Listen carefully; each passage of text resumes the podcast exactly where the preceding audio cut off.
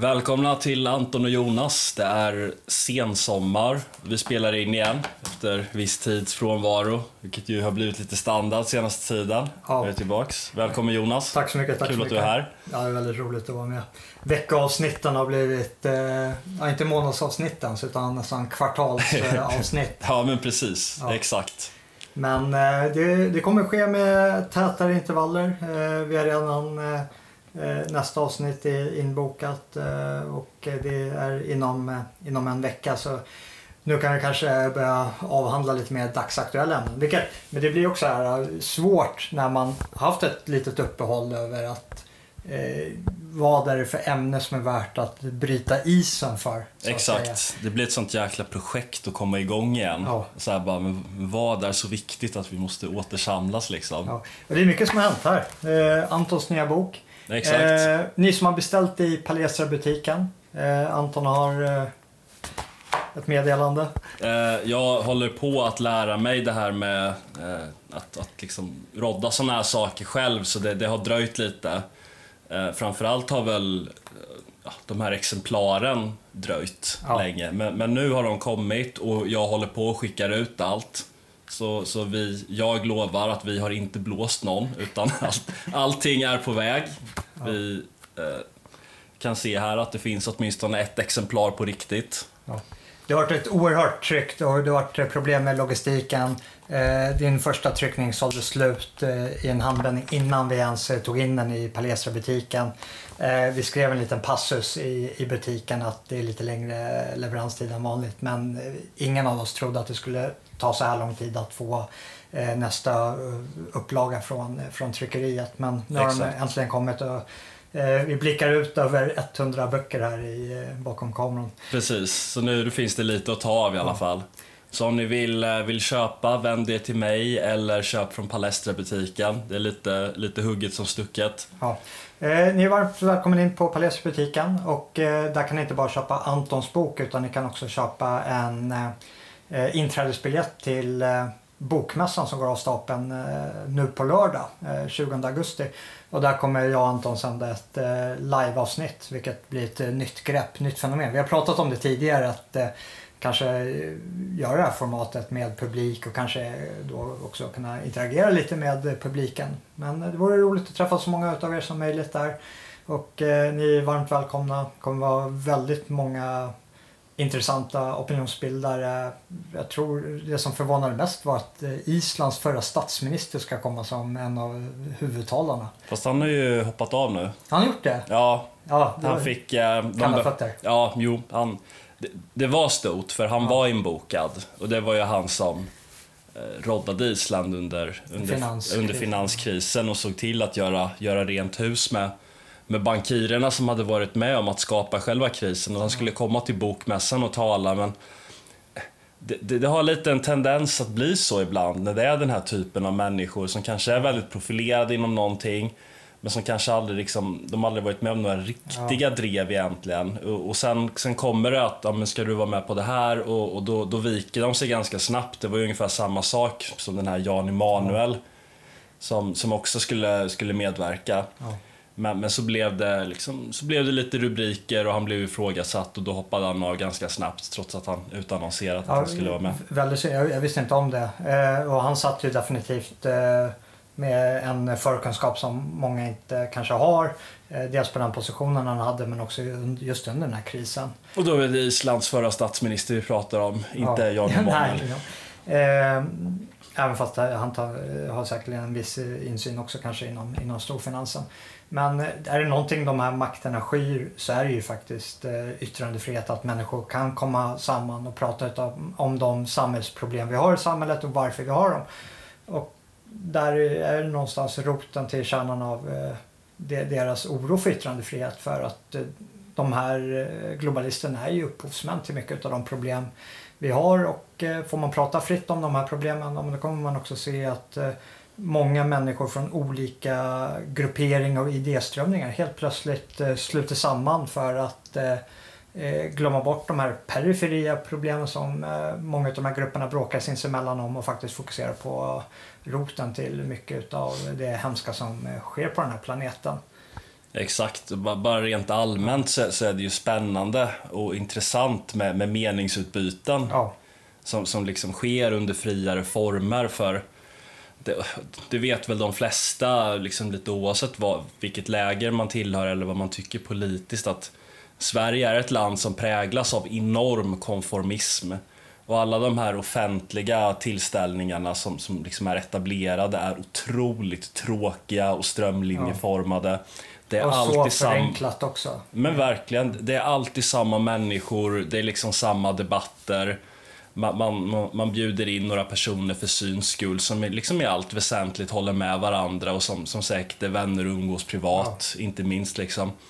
Men, men här ser vi helt, helt nya saker, helt nya typer av debatter, helt nya människor som, som får komma fram och göra sig hörda och sedda som vi aldrig hade fått se annars. Och jag kommer vara där och jag ser fram emot det. Jag ser Ja, det, ja, det, det kommer att bli väldigt roligt och viktigt att man sluter samman och eh, stöttar sådana här initiativ som tyvärr det är ett stort vakuum utav det. Folk törstar ju efter det, det riktiga samtalet som eh, hela etablissemanget förvä förvägrar medborgarna. Exakt. Eh, och gå in på lite på nästa punkt här också. Vi, ja, vi ser, vi sitter med vår gamla trotjänare till, till mikrofon här också. Och, eh, eh, Eh, vi är ute efter att eh, uppgradera den här gamla trotjänaren eh, till, till en nytt mikrofonsystem som precis har kommit ut. Som kommer tjäna oss väl, inte bara när vi spelar in podden utan även när jag gör en del reportage eh, ute. Speciellt eh, när man ska, ska ut på byn och eh, vill ha ett flexibelt system som är lätt att arbeta med.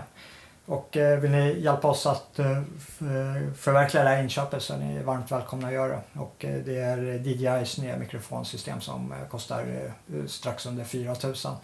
Och vi skulle behöva hjälp med, med, med att få det. Så det, det kan ni samtidigt som ni är inne i butiken och köper Antons bok och köper en biljett till eh, bokmässan så kan ni också skicka in ett litet bidrag till, till mikrofonsystemet. Det skulle vara väldigt, väldigt uppskattat. Mm, det, ja men verkligen. Ja. verkligen. Eh, ja, vi, I och med att det blir ett litet eh, avsnitt här om allt och inget nästan. Eh, och för att få lite struktur i det så slängde vi ut eh, frågan på Twitter. Och men vad vill ni att vi ska prata om i det här avsnittet? Eh, ja, och för er som inte redan följer Anton eller mig där så kan ni göra det. Så interagera med oss. Det är det smidigaste sättet att ta kontakt med oss också. Twitter är ju jättebra på det sättet. Det, det är ju bara att kasta ut saker, sådana här frågor. Man kan nästan alltid vara säker på att man, man får någon typ av svar i alla fall. Ja men visst, verkligen. Och eh, jag, jag skrev upp eh, en fråga där för den var så här direkt riktad mot mig. Och eh, relaterar lite till eh, varför vi ska uppgradera mikrofonsystemet också. Och det, är- en fråga om eh, hur det går med eh, dokumentärserien om kristendomen och tron. Och då var det först så att när vi först gick ut med det så hade vi i åtanke att det kommer bli en enhetlig film. Och sen eh, så fick vi inte riktigt in, eh, det, det var ganska svalt intresse i början utav det. Men jag ville fortfarande arbeta med det, jag brinner lite för projektet och eh, ämnet i sig jag tycker det är väldigt, eh, väldigt intressant. Eh, jag är uppvuxen i en eh, frikyrkomiljö även fast är Anton som kommer från eh, Jönköping. Mm, Eh, exakt. Så du, du har väl drabbats av eh, frikyrkomiljön på ett annat sätt än... Jag, jag tycker att det jag drabbats av är väl framförallt sen jag flyttade till Stockholm. Alla, Ja. alla stockholmare som, som kommer med massa frågor Ja. om det och tror att man liksom vuxit upp i något sorts Knutby-sammanhang. Ja. Men nu kan du åtminstone hänvisa till den här dokumentärserien när den är klar. ja, jo, jo, men precis. Nej, men min, min egen, jag tycker det, tycker det är ett intressant tema. Ja. Kristendomen har ju haft en, eh, vad ska man säga, Vä- väldigt, alltså den har haft relation med egentligen alla politiska ideologier på något sätt. Ja, och det, är, det är intressant för det blir som en maktfaktor där eh, kyrkan oavsett vilket eh, land det rör sig följer någon form av tidsanda och maktspelet som existerar där. Och eh, som skapar de förevändningar för det nuvarande etablissemanget oavsett vilken tid det rör sig om till varför deras maktutövande är inte bara rätt utan moraliskt rätt i och med att du är backad utav eh, Gud själv. Mm, ja, Eller men kyrkan precis. som institution i alla fall. Eh, och eh, det är ju ingen skillnad från vår socialliberala tid där vi ser Svenska kyrkan ta en framträdande roll och eh, skapa de förevändningar som behövs för till exempel HBTQ-rörelsen, någonting som har varit helt otänkbart i kyrkliga sammanhang tidigare. Absolut. Sen, sen är det väl lite så här att i, i Sverige, vad ska man säga, under 1800-tal fram till kanske 1960 så, så, ser vi ju, eller så såg vi, hade vi en kyrka som var liksom allierad med det borgerliga etablissemanget ja. i mångt och mycket. Att det var liksom lite en ja, men, kulturkonservativ punschborgerlighet, skulle man kanske kunna kalla det. Eh, och sen, sen, går kyrkan i, i, helt andra riktningar och den, den liksom möter vänstern under 60-talet. Ja. Och det är väldigt många vänsteranhängare som försöker gifta ihop kristendomen med marxismen. Ja, det har nästan blivit synonymt i vissa kretsar mellan att vara god och vara marxist. Exakt, och det, det, det finns en jättebra bok om det där som skriven av Per-Johan Sundén Eh, som heter 68-kyrkan om eh, svensk, eh, svensk kristen vänsters mm. möten med marxismen. Den, den, är väldigt bra.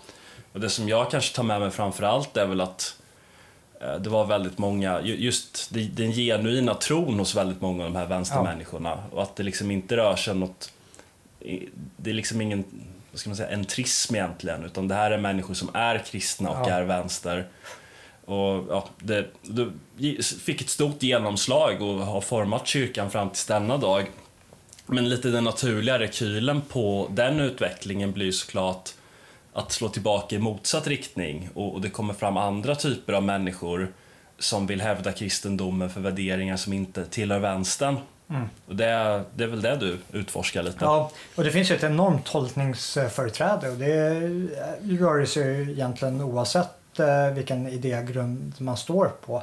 Eh, det är ju en lång resa för mig. Var när jag var yngre så betraktade jag mig som en ganska rationell varelse och sen så eh, någonstans längs vägens gång så upptäckte man att man är ganska emotionellt styrd. I, I mitt fall så var det väl kanske mer, mer ilska än någonting annat. Mm. Och det, det, tror jag är en emotion som många är i opposition kan relatera till. För det, det är väl ett ganska naturligt inslag när, när man ser hur samhällsutvecklingen går och eh, att folk är helt nonchalanta till de problemen som uppstår längs den här resan. Att, att det finns eh, att ilskan är väl det som eh, ligger närmast eh, till, till hands.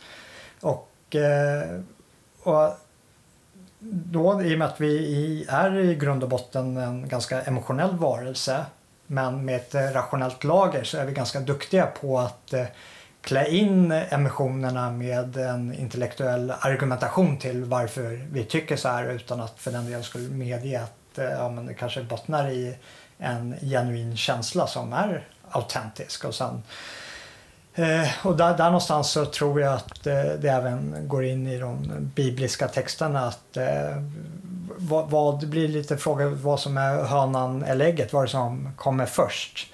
Är det tolkningarna utav skrifterna som formar ens uppfattning gentemot samhället eller någon form av känsla som man sen binder samman med de här texterna och gör en utläsning utav det. Eh, det här är väl egentligen ingenting som direkt som jag dyker in i här utan det, det, det, det alltså, jag gör är att, eh, ja just det, vad vi var inne på först.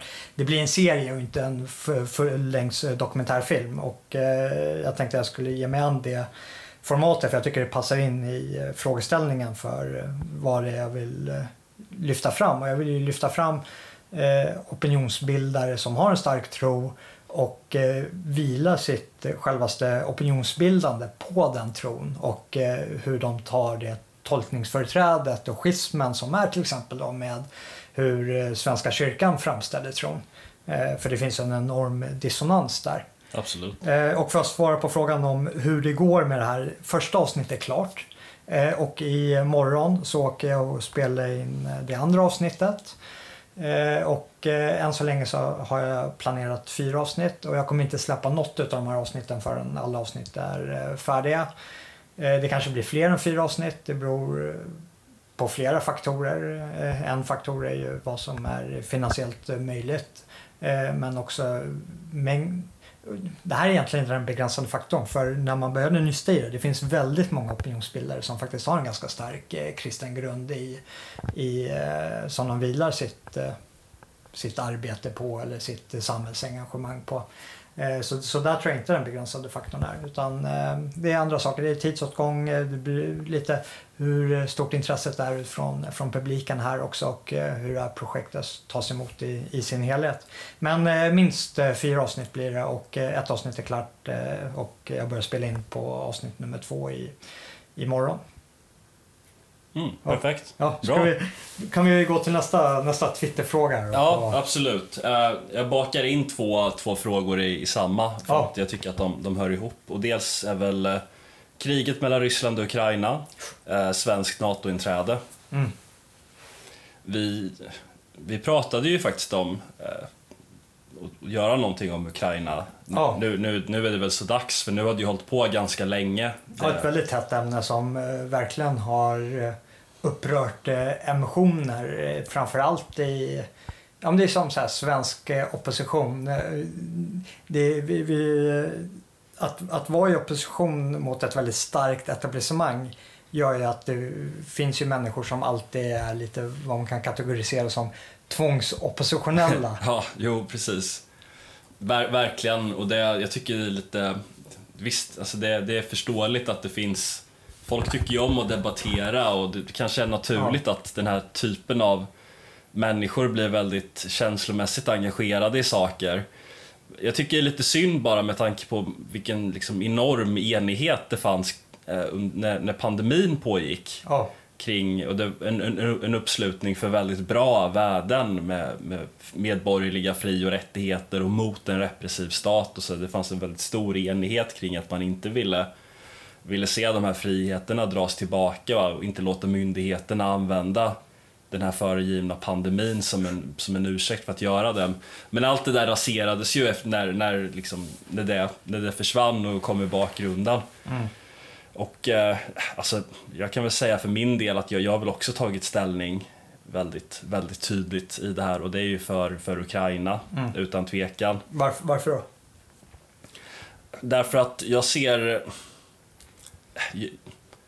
för det första så kanske man skulle kunna säga en sak och det är att den här konflikten har ju av väldigt många försökt liksom stämgärnas in i en tolkningsmodell som vad ska man säga, den nationella rörelsen förstår det mesta av det som händer i världen kring. Mm. Och det är ju att allting, för det mesta, kretsar kring en konflikt mellan nationalister och globalister. Det, det är liksom tolkningsmodellen, det är ingångsvärdet. Men jag tycker inte riktigt att den passar i just det här fallet. Och det finns ju ingen tolkningsmodell som, som passar i alla avseenden. Och när man ska använda samma tolkningsmodell hela tiden så finns det också en tendens att man lite man utesluter det som inte passar in. Mm. Och det som jag tänker i just det här fallet är väl att den här modellen inte passar in. Och, och de, de som liksom följer den väldigt väldigt mycket. De, de missar den avgörande faktorn här som är rysk imperialism. Mm. Och att, jag, jag, tycker det är lite synd att folk som är väldigt vakna för amerikansk imperialism i många fall är helt blinda för rysk imperialism. Det, det, finns, det finns en intressant, uh, för er som är lite intresserade av uh, hur jag betraktar Ukraina och Rysslands uh, kriget här så kom jag in på det lite i samtalet jag hade med Micke Wilgert på, på Sveb TV för er som inte har sett det än. Eh, och eh, för att bygga vidare på, på din avslutning här är att det, det finns ju en intressant eh, skiljepunkt mellan den amerikanska imperialismen och den ryska imperialismen. Mm. Eh, och det är att eh, Amerika, likt Storbritannien, är eh, vad som kan kategoriseras som sjömakt.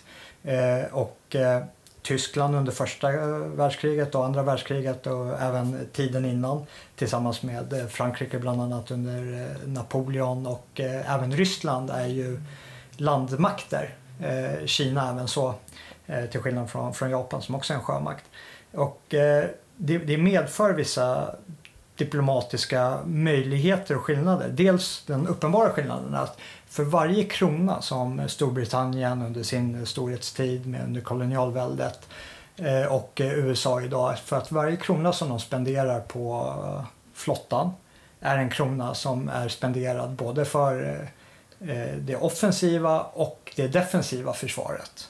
Medan om Kina spenderar en krona på, på sin flotta så är det bara en eh, så är inte det en krona som bidrar till försvaret av Kina på grund av eh, dess landmassa och att det domineras av en landsgräns. Och på samma sak är det för eh, Ryssland och Tyskland.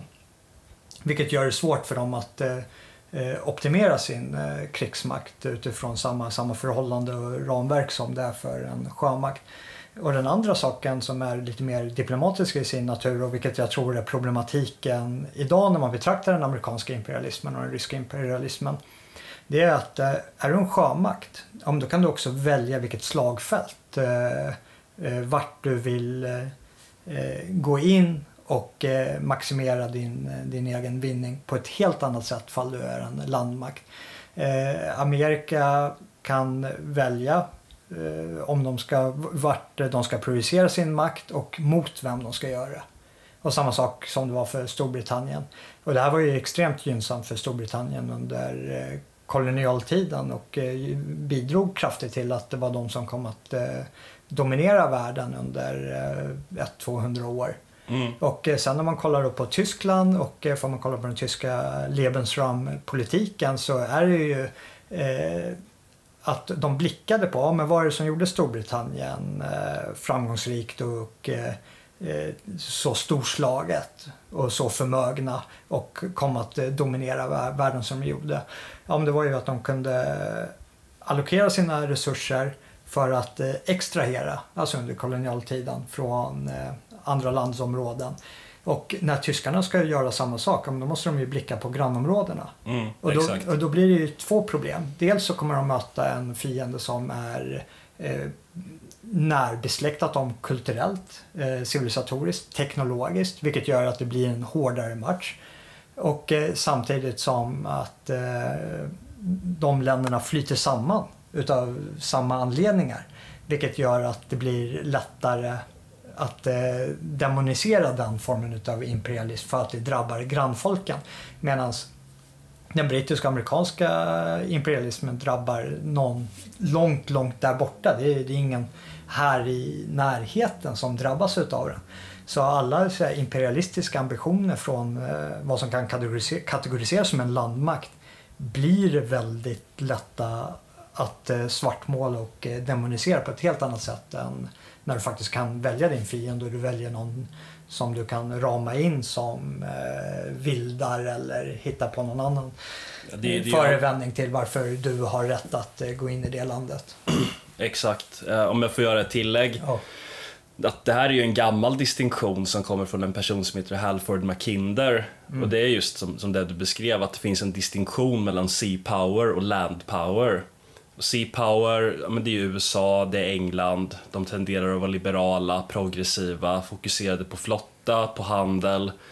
Eh, de har sina äventyr på, på andra sidan havet. Jag menar, det är inte konstigt att britterna och inte tyskarna erövrade Indien till exempel. Ja. Men land powers, de tenderar att vara liksom mer konservativa, mer reaktionära och när de gör sina erövringar så är det ut med sin egen gräns. Mm. Och det är ju det som var typiskt för till exempel ja, Tyskland när de gjorde, skulle göra sina erövringar. Att de, de blickar inte mot, mot andra sidan jorden utan de blickar mot grannen istället. Ja. Och samma sak är det med Ryssland, att de blickar inte heller på andra sidan jorden utan de blickar också mot grannen, det vill säga det som sker ut med deras egen gräns. Och väldigt många av Rysslands grannar har ju en helt annan upplevelse av det här än vad vi har. Och framförallt vad många i nationella rörelsen eller vad man, vad man nu ska kalla det, eh, jag vet inte exakt vad som är ett bra, liksom, ett bra begrepp som ringar in det här, har en, har en helt annan syn därför att många, många där betraktar ju Ryssland som någon sorts motpol mot USA som man ser som den stora fienden. Och man ser Putin som någon sorts eh, lite hjälte i det här som, som försöker kämpa emot den här, försöker kämpa emot mot globalisterna. Och, och det kanske han gör ibland, men nu, nu finns det inte jätte, eller nu blir, nu blir det lite korthugget såklart, men det kanske de gör ibland, men framförallt så jobbar ju ryssarna för att gynna sina egenintressen. De ja. jobbar för att gynna sitt egenintresse. Och ibland kan det säkert liksom falla i linje med vad med vad vi har för intressen men, men det behöver inte alltid göra det. Och, och, en annan sak som jag, som jag bara vill säga också är att många av de här, Ukraina, Polen, flera andra länder som har en helt annan eh, historia och problematisk relation med Ryssland än vad vi har. De upplever absolut inte den här saken på, på något annat sätt. Det är som min egen erfarenhet av att ha varit på Ukraina, eh, eller varit i Ukraina och pratat med människor där, det är ju att de upplever ju Ryssland som det absolut stora hotet och av goda skäl för att de har eh, Sovjetunionen och Holodomor och allt det här färskt i minnet. Det, var liksom, det är någonting som inte ligger långt tillbaks i tiden och det är därför det finns en väldigt bred eh, uppslutning i Ukraina om att man vill ha en anslutning till väst för att få skydd mot det hot som man upplever i öst. Och det är liksom inget astroturfat som kommer överifrån från, från liksom globalister utan det, det, är någonting som finns i, i blodsminnet rent av. Från de erfarenheter som, men som deras mor och farföräldrar har haft.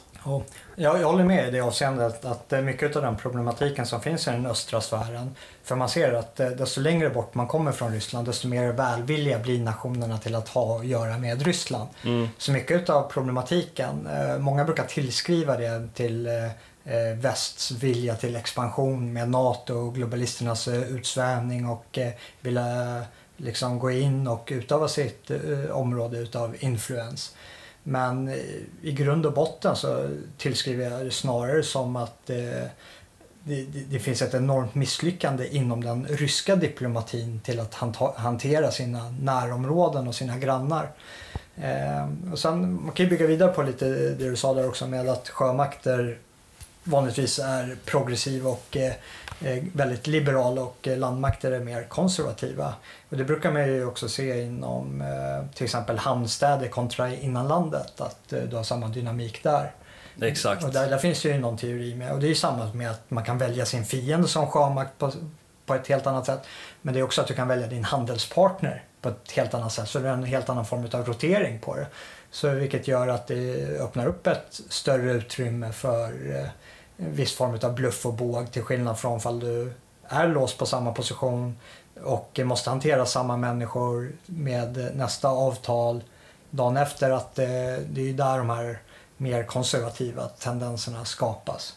Mm. Att jag kan inte lura dig idag för då har vi ingen affärsuppgörelse imorgon.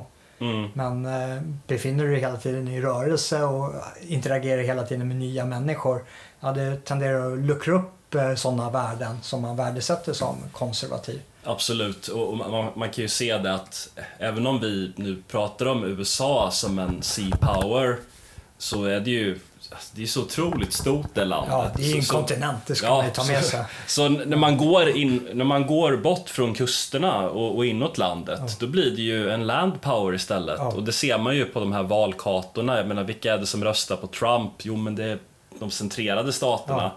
Vilka är det som röstar på Demokraterna? Jo, men det är kuststäderna, ut med kusterna. Ja. Så... Alltså, det är ett intressant fenomen och det är samma sak i Sydafrika och där har du ytterligare en eh, väldigt eh, intressant dynamik.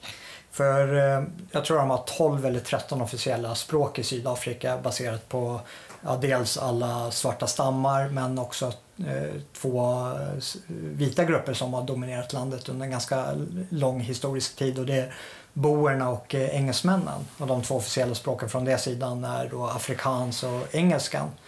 Och eh, engelsmännen är utav eh, tradition där nere väldigt liberala och boerna är väldigt konservativa. Och där kollar du på kartan, ja men boerna har dominerat i Transvaal som är det sydafrikanska innanlandet. Och engelsmännen har dominerat Kapeområdet som är kustremsan. Så eh, där, där liksom kryddas det på också med den demografiska skillnaden där det då har tillskrivits börd snarare än eh, den geografiska ytan som det är i Amerika med San Francisco och till exempel jag vet inte, eh, innan området Texas eller någonting. Mm. Jag vill bara säga en sista grej om Ukraina också. Sen, sen kanske vi kan prata lite om svensk NATO-anslutning. Ja.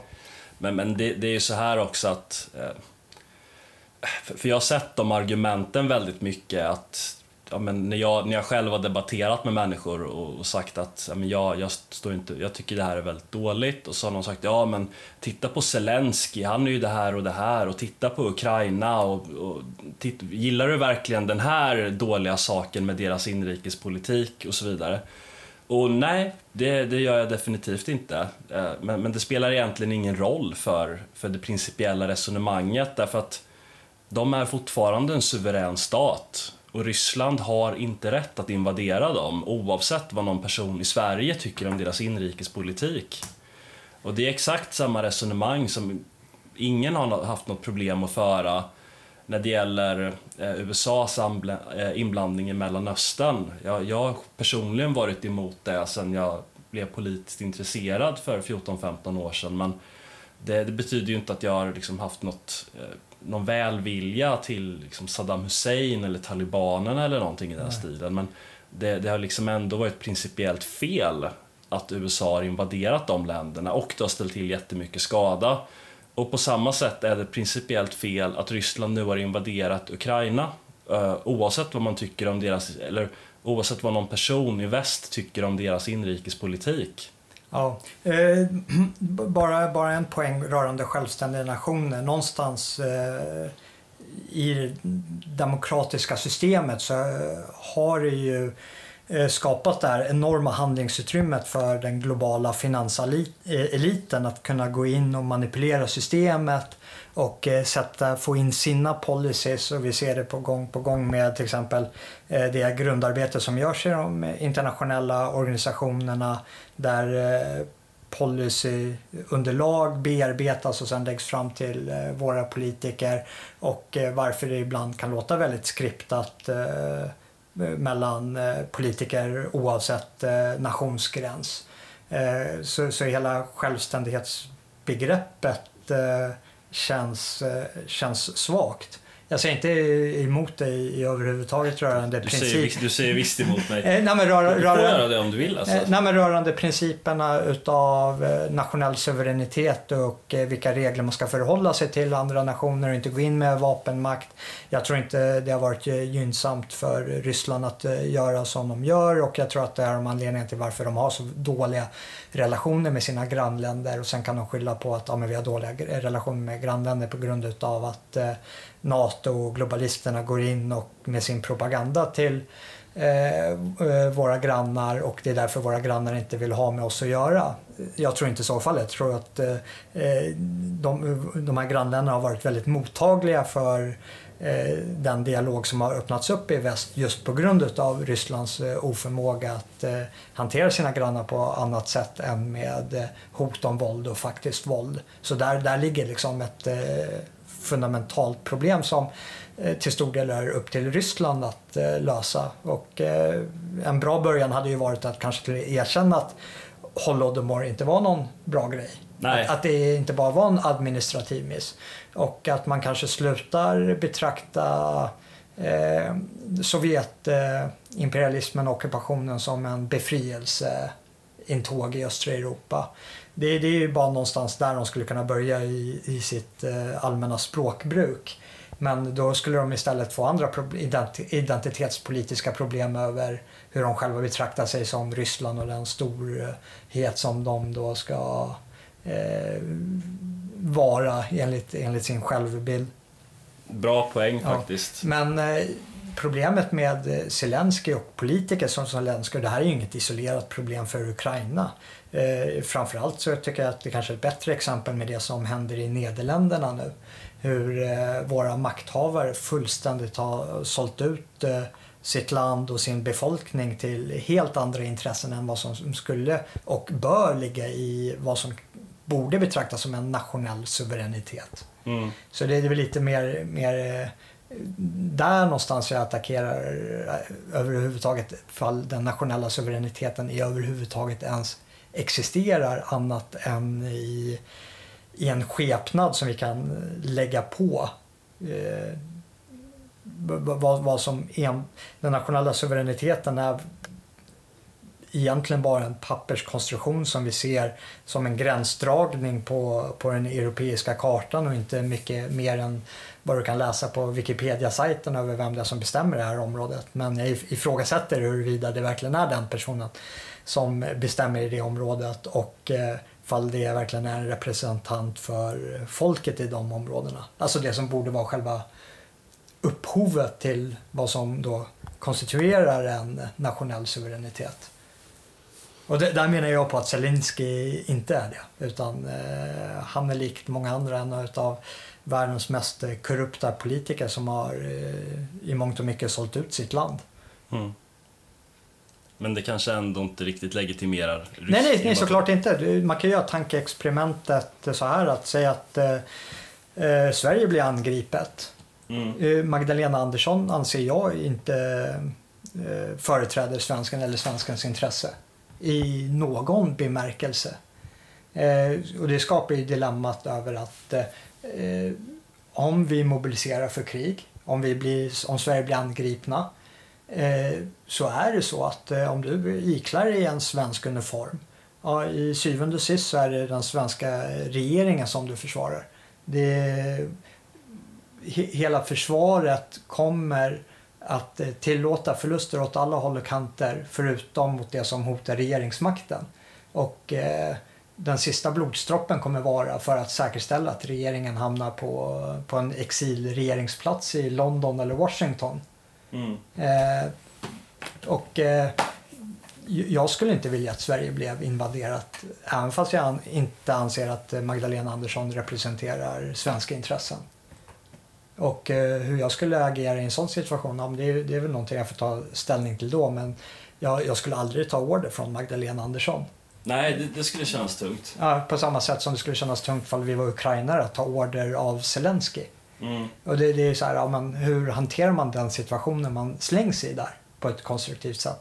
Eh, och det är en svår fråga. Jag säger, säger, inte att jag sitter inne på, på något svar där. Nej, nej, jag förstår. Men, men det brygger ju över ganska bra till eh, eh, svensk NATO-anslutning. Ja. Jag har ju gjort en monolog här på kanalen, för er som inte har sett den så lägger jag en jag länk i... Du har inte sett den? Ja, Nej, för, för, färskt, färskt, eh, färskt samtal här. Men eh, för er som vill veta vad jag tycker utan att bli färgad av Antons åsikter så finns det en länk i beskrivningen nedan. Jag är ju då för ett NATO-ungern det, nej, det är inte. Det, säg, det säg, står tydligt på rubriken. I, nej, just det. Eller jo, jag tror fan jag såg den. Ja. Men, men jag har glömt det, för ja. det är för mycket som händer för att jag ska kunna hålla allting ja. i minnet. Vill, du att jag ska sammanfatta det eller vill du köra? Uh, jag, jag, kan väl köra först. Uh, jag är självklart uh, negativt inställd till svensk NATO-anslutning. Det, det finns absolut det finns absolut ingen som helst anledning till det. Därför att Sverige, om man nu ska... Sverige är inte Ukraina, vi är inte ett östland, vi, vi ligger inte inom Rysslands intressesfär på samma sätt. Och jag har väldigt svårt att se att det skulle kunna finnas något direkt eh, yttre hot mot Sverige på det sättet, utan våra problem kommer, kommer inifrån. Det är de problem som våra politiker och människorna som röstat på dem själva har skapat. Det, det, och det är ingenting som NATO kommer hjälpa oss med. Och, och, jag tror snarare att i, i Sverige så finns det ju liksom nästan en, en, pervers fascination hos politikerna. Eh, det här med, med, olika typer av samarbeten och sammanslutningar. Och, man, man vill gå med i precis allt helt enkelt. För att allt från EU till olika andra handelsorganisationer och internationella samarbeten och sånt där. Och det, det speglar nog politikernas egen intresse att få skicka sina egna representanter till NATO och få känna sig viktiga. Det blir ytterligare en plattform för, eh, för karriärvägar och, och, och liknande. Och, och ja, jag, jag, ser, jag, ser inte, jag ser inte hur NATO skulle kunna göra något för att om, om man nu tar säkerhetsintresset, alltså vårt säkerhetsintresse som utgångspunkt så ser jag inte hur ett NATO-medlemskap skulle kunna gynna det på något sätt. Nej, eh, det, det, känns som att eh, jag, jag, frågan om Flens vill, vill göra en liten sammanfattning. Jag, jag, jag, tycker att jag fick det jag ville ha sagt i, i den där monologen. Kan du inte bara länka den? Ja, jag, jag, så jag, så behöver du inte upprepa dig. Ja, men jag, länkar in den här och eh, nej, men i, i kort och gott, vi, vi har inte varit med i NATO. Eh, NATO handlade om att eh, i Bidas grundande efter andra världskrigets slut att hålla Tyskland nere, Ryssland ute och eh, USA inne eh, inne i Europas eh, sfären. Då. Och jag ställer inte upp på några av de där premisserna. Det är amerikaner som skrev den nya tyska konstitutionen efter andra världskriget och redan där tar hyckleriet vid. På hemmaplan så hävdar amerikanerna att de har världens bästa konstitution, att den konstitutionen ligger grunden för för deras frihet och den vilar på en gudagiven rätt som är eh, obestridbar över vad det innebär att vara människa. Och får man verkligen tro det, ja, men då är det ju den konstitutionen som eh, borde vila på den nya tyska statsbildningen, men det är det inte. Eh, utan det är andra intressen som råder och samma sak är det med, eh, med eh, NATO. Och, eh, jag ser inte hur det skulle gynna eh, svenska intressen i överhuvudtaget. Så, så, du har släppt din vurm för konstitutionen nu? Nej, var, var, inte du lite så konstitutionalist för några år sedan? Eh, det, det, är väl fortfarande i den meningen att, att eh, om, om vi ska verka inom nuvarande system, alltså i, i form av en statsbildning, Eh, nu jag, jag är för väldigt eh, kraftig decentralisering. Jag anser att eh, makten bör vara där de själva verkar så att de påverkas av sina egna policies på ett helt annat sätt än vad som sker idag. Men eh, jag lever ju hellre i ett land som eh, har en konstitution som är eh, svår att ändra. Nu säger de ju att den amerikanska konstitutionen inte går att ändra men det är ju i slutändan bara bläck på papper och det enda som krävs för att ändra den är att de får in nya domare i sin högsta domstol som tar ett tolkningsföreträde över vad som egentligen åsyftas. Så de kan ta till intentioner bakom det och då blir det helt plötsligt ganska postmodernistiskt. Eh, och sen så kan de ta tidsandan i beaktande och den teknologiska utvecklingen och hux flux så betyder de där gamla orden från 1700-talet ingenting utan de sätter dit nya ord utan att eh, egentligen ändra några ord. Nej, eh, och det, det, det är väl det att en konstitution är ju på något sätt bara sammanfattningen av strömningar som redan finns i samhället. Ja. Man, man kodifierar någonting som liksom, det måste finnas utanför. Jag menar, Liberia antog USAs konstitution ja. ord för ord samtidigt som General Butt Naked sprang runt med sin barnsoldatsarmé. Liksom, så... det är visserligen ganska konstitutionellt i dess ursprungliga anda. Men, men, men visst är det så. Det, det, normer föregår lagen och eh, det var frihetsälskande människor på 1700-talets Amerika som ville bli av med ett eh, eh förtryck eh, där centrumet låg i London och de ville inte ersätta det med ett eh, eh, ny central regering i Washington så de såg till att eh, försöka avväpna den efter bästa möjliga förmåga. Men Eh, Eh, det, det, det enda den konstitutionen påvisar är att den har haft en viss trögflytande effekt. Att det ändå tog eh, 200-300 år för dem att eh, komma ifatt de mer rörliga konstitutionerna som vi kanske har till och med i, i Sverige där det krävs eh, väldigt lite för att eh, ändra i grundlagen. Mm. Eh, så vad har vi hittills? Ja, just det. Ja, vi var inne på NATO-frågan. Ja, ja, Nej, nej jag, jag, tänker att uh, vi har sagt nej till NATO. Ja, men jag tänkte bara, bara jag kommer inte jag ska, jag ska kolla, Jag ska kolla vad vi hade för mer punkter. Ja, men kika det så ska jag bara sammanfatta vad, vad min monolog handlade om för, för er som inte orkar klicka in på det. Eh, svensk säkerhetspolitik har bottnat i, i efterkrigstiden att eh, vi kan inte hantera ett eh, en mot en krig mot Ryssland.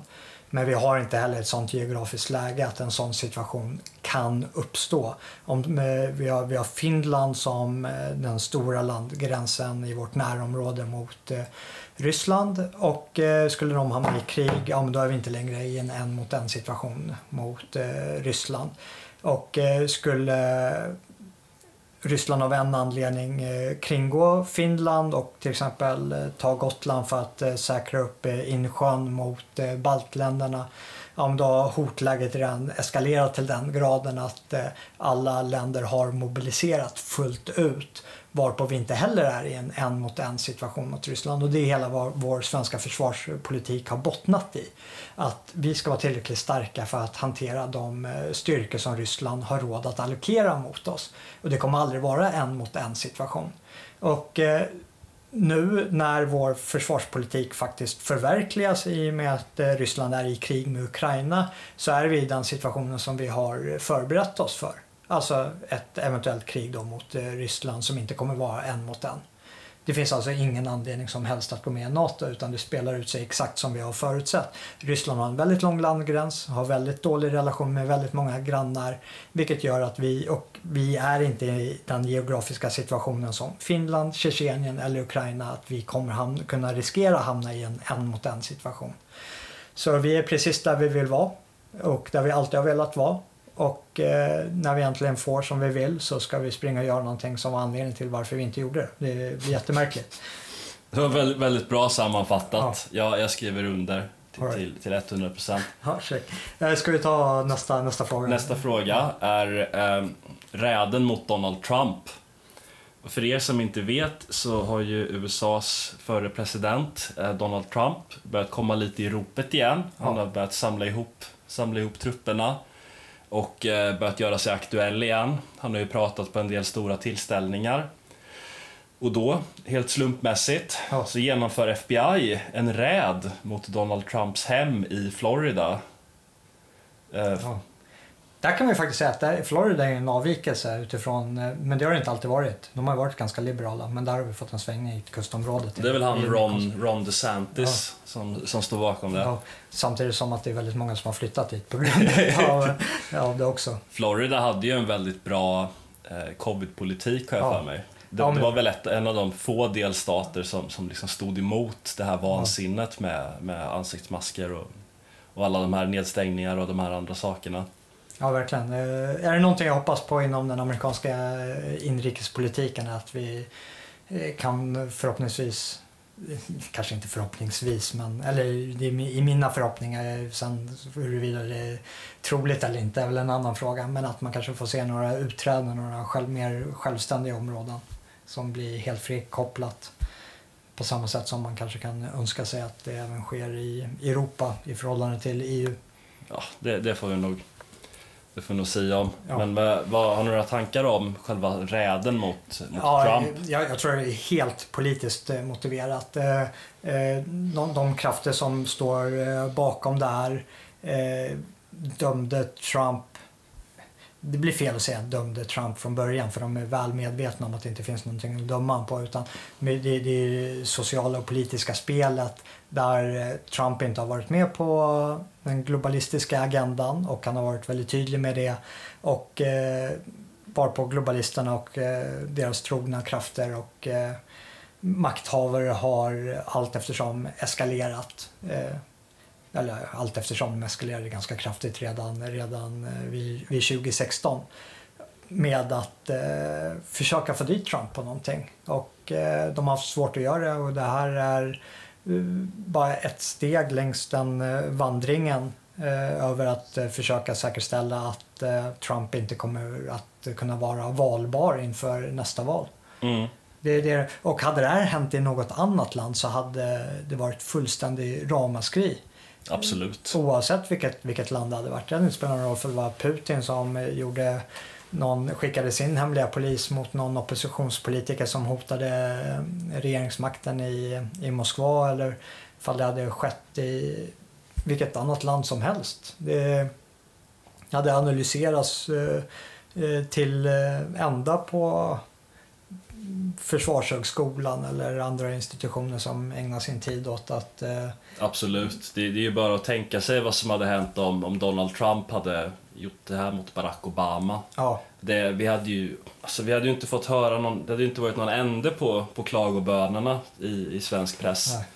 och liknande. Men, men som, som vanligt så är ju, pro, så är ju problemformuleringsprivilegiet sådant att det är alltid riktat, att det är ändå på något sätt Trump som är boven i det här ja, på något sätt. Men för mig är, är det ganska uppenbart att det här är det här är del av en förberedelse för att Trump absolut inte ska få göra en comeback. Man, man, man, han ska inte få göra en comeback helt enkelt och man, man bör bygga upp det redan nu. Ja. Bland, bland, an- genom att, och genom att använda de här etablerade metoderna, det här de brukar kalla för lawfare, alltså politiska trakasserier genom juridik.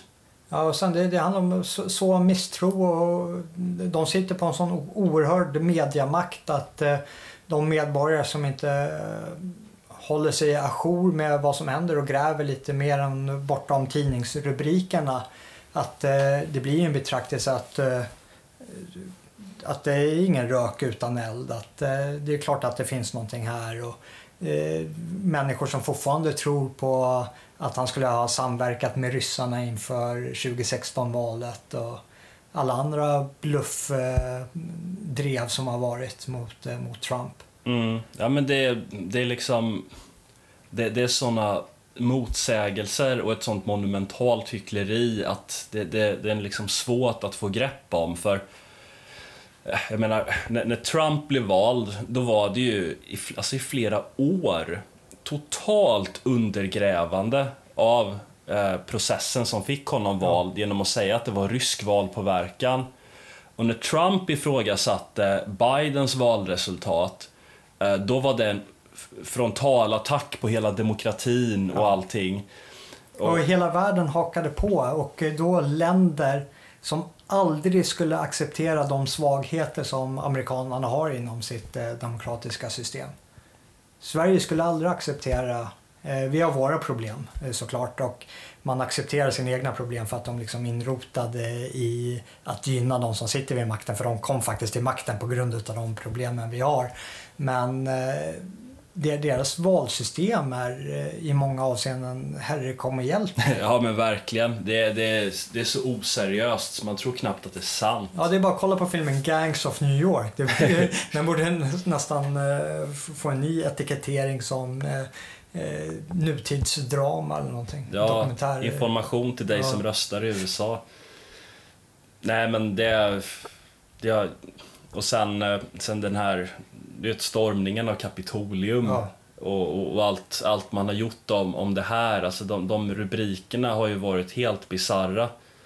Trots att det var massvis med, med högt uppsatta personer som, som uppmanade till uppvigling mot Trump ja. och det var helt eller som, som vi har gått igenom tidigare, att under det föregående året så hade vi ett helt år med helt galna BLM-kravaller ja. som var där, där ett antal människor dog och det blev enorm förstörelse. Och det bara var totalt kaos på gator och, och, och innerstäder. Mm. Och, och, svensk media och, och, annan västmedia lyfte fram det här som något oerhört heroiskt och det var eh, kamp mot ett förtryck och, och så vidare. Det var, det var bara bra det här. Eh, och vi fick ju se helt liksom bizarra Bagdad Bob-liknande scener när det liksom så brann i bakgrunden och så här, någon reporter liksom hukar ner och pratar in i mikrofonen som att det var en krigszon. Bara, mestadels fredliga protester. Ja. Och, och liksom, det, det lyftes fram. Och, eller, och det här som faktiskt var någonting att vara väldigt orolig för, det lyftes fram som, som, som, liksom en hjält, som att det var liksom hjältar som höll på med det där. Ja. Och så har man den här grejen i Kapitolium som, som liksom inte var ens en bråkdel så allvarlig som det där var. Men det lyfts fram som, som det värsta som, som hänt sen liksom kristallnatten i, i Hitler-Tyskland. Ja. Så, så allting som rör Trump och liksom den delen av amerikansk politik, den är, den är så otroligt förljugen att det, det är liksom svårt att få grepp om det. Ja. Ja, jag vet, jag vet inte, det finns, finns mer att säga på det, men jag, jag håller på att svettas, eh, svettas ihjäl här. Ja, det, det är sjukt varmt ja. alltså. Eh, vi, vi, skulle prata, det var flera frågor. Eh, vi skulle prata om svenska, svenska valet, kom ihåg att det var. Eh, ska, ska, vi, ska vi ta en cliffhanger på svenska valet och så fortsätta prata om Trump i nästa avsnitt. Absolut, absolut. Vi, vi, får be, vi ber att få återkomma till, till valet, till, till Trump oh. och till, till alla de här andra sakerna som, ja, som alltid är aktuella. Det blir förresten om en vecka på Bokmässan. Exakt, ja, precis. Så då kommer vi att prata mer om Antons bok, Konsten att bli styrd. Precis. Och eh, svenska valet. Eh, det blir nog ganska intressant ämne att beta av där. Absolut. Ja, det, det, det, är ju val snart, ja. trots allt. Ja. Eh, missa inte det. Var med live i publiken. Släng upp några frågor till oss eller eh, släng in en egen tagning kanske. Precis. Så vi låter en mikrofon gå runt. Ja, jag jag är helt skamlös alltså, det ska ja. jag erkänna. Men jag, jag, gjorde ingen reklam alls för min förra bok med Metisk krigföring. Den här boken får ni dessutom signerad om ni vill. Skriv ett litet eh, meddelande i eh, Palestra-butiken om ni vill ha det så fixar vi det. Eller inte vi, utan Anton fixar det. Det, det, Det, ja, precis. Jag kommer fixa allting. Det Ja. betyder att det kommer även vara mitt fel om något, om, om något, om något kommer dröja, vilket det säkert kommer göra. Men Ja. det känns som mitt barn, den här boken. Det är en Ja, sån... det, ja, det, det är faktiskt, eh, det, det här är mitt ex. Eh, Det dröjde även för mig att, eh, att eh, få det. Så det Du var inte prioriterad. nej, det var väldigt långt ner. Men jag har läst en, en utav essäerna och den är, den är väldigt, väldigt bra. Så jag har goda förhoppningar om resten av boken också. Ja, men tack. tack. Det, det värmer alltså. Det Ja, värmer. roligt. Ja. Men eh, vi syns på lördag. Stort tack för att ni lyssnade. På återseende.